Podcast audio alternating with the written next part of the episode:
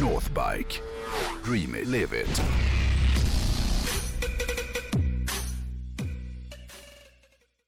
Förra veckan eh, så eh, drog jag igång ett nytt segment här i Dealen med hojen som gick ut på att jag skulle lista ikoner från eh, liksom varje varumärke som Northback säljer ju. Ja. Och först ut så var en av dina favoriter, Triumph Bonneville. Ja. Och idag har det blivit dags för mig att ta mig an ytterligare en ikon. Fast den här veckan ska vi resa från Hickney i England till Ja. Milwaukee i Ja. USA. För det har nämligen blivit dags för varumärket som kanske är det mest ikoniska märket av alla hojmärken, nämligen Harley Davidson. Ja. Det här passar ju ganska bra i, för att eh, igår, nu när vi sitter på det här i onsdag, så, Så släpptes så, den. så släpptes den ja, Panamerikan. Mm. Eller eh, släpptes, men eh, de släppte i alla fall, eh, vad säger man? Den tekniska specifikationen. Ja, det var det ordet jag letade efter. Tekniska specifikationen.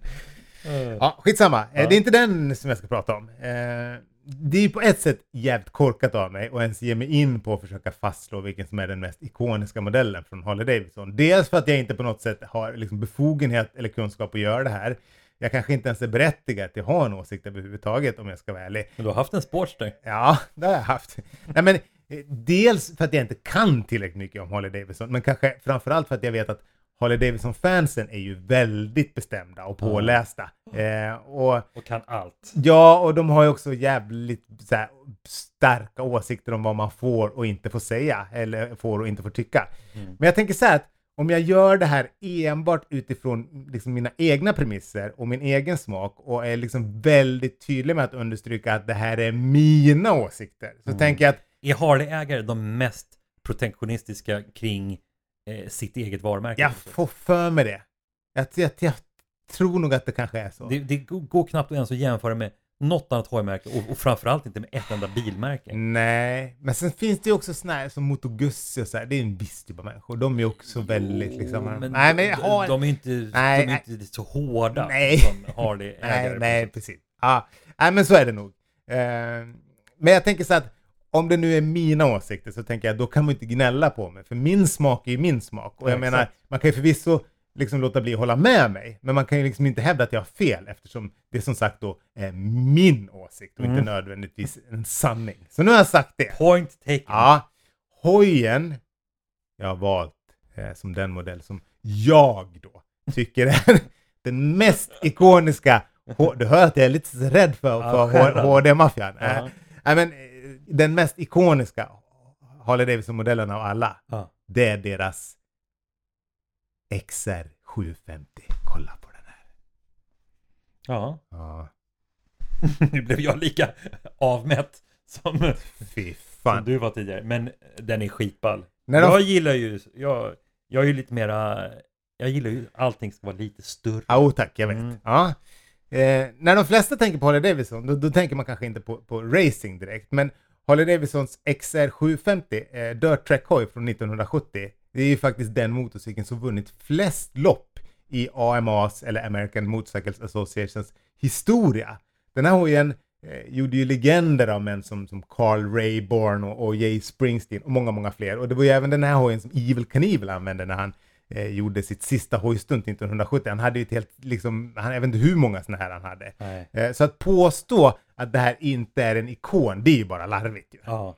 Eh, de tidiga versionerna av den här hojen, de hade ju en 748 kubiks luftkyld vetvin som gav 82 hästar. Och den hade en toppfart på ungefär 185 km i timmen.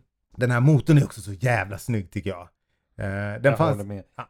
Jag, jag får nästan backa Mhm. och, och säga att den här är otroligt cool. Ja, tänk att ha den stående här, där, Ja, här där på, på kontoret. Snyggt Ja, där mm, mot de ja. här mörka väggarna. Ja. Snyggt.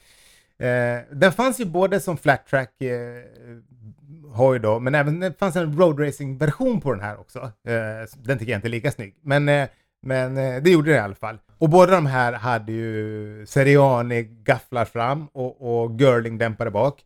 Och båda hade också Mikuni-förgasare. Eh, med åren eh, så ge, genomgick ju den här hojen en massa olika modifikationer och designförändringar, men de, riktigt Var det snygga- bara den här modellen som Evil Knievel körde? Nej, nej, nej, nej. olika. Ja, men jag tycker att det är de här eh, tidiga XR750 som, som jag tycker är absolut snyggast. Mhm. Ehm, jag sa ju att den här hojen var, var väldigt, väldigt framgångsrik på tävlingsbanan. Mellan 1972 och fram till 2008 så vann den här hojen inte mindre än 29 av 37 AMA Grand National Championship-tävlingar som anordnades. Liksom både Honda och Norton har ju en, en modell som heter Dominator. Men egentligen borde det ju vara liksom HDs XR750 som, som, som skulle ha det här namnet. Ja, ja. Men istället så kallas ju den här hojen eh, av många för the most successful racing bike of all time. Och det är ju sant, men namnet Dominator ringar ju in det här bättre. Så jag tycker att den skulle heta... eh, Vi döper om den här. Ja, vi, vi döper om det. Men mellan 2008 och 2012 då tillverkade ju Harley Davidson en Sportster som hette XR1200.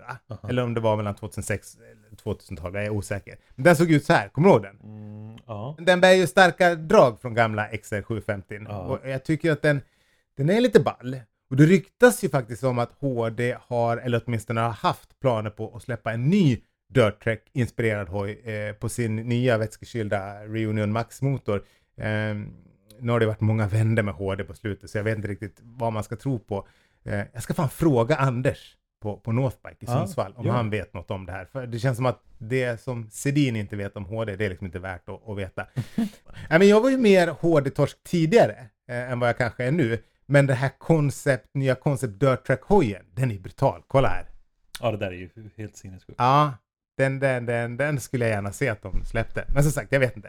Eh, men det var inte den vi skulle snacka om, utan XC750. Jag skulle ljuga om jag inte sa att anledningen till att jag valde den här hojen som min favoritikon från HD inte var hur den ser ut. För det är ju såklart därför jag tycker så mycket om den. Jag, tycker att det här är en av de snyggaste hojarna som finns. Eh, jag nämnde ju tidigare att ehm, den hade eh, Seriane-gafflar och, och Girling-dämpare. Den, den hade ju också otroligt snygga ekrade 19-tums hjul och en liten tank i glasfiber på bara 9,5 liter. För det här var ju liksom en ren racinghoj och, och flat track-varianten den hade ju inte ens frambroms utan allt var liksom optimerat för, för fart bara.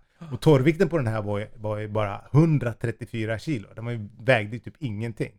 Ja, den, är, den är ju liten och nätt. Den är väldigt liten och nätt. Du förresten, det fanns ju ytterligare en HD och det var ju XR1000. Den tillverkade de ju någon gång i början på 80-talet. Aha. Eh, något år bara. Det blev ingen hit alls. Eh, Och den var inte alls lika snygg som XR1200 heller som kom senare. Eh, den var till och med ganska ful om jag ska vara ärlig. Men det är inte XR750, tvärtom. Det här är en hoj som är ikonisk tack vare sina framgångar på banan. Men, men anledningen till att den blev veckans hoj är för att den är så otroligt vacker. Ja. Så det var veckans hoj den här veckan. Mm, ja, jag, jag skriver under på det. Ja.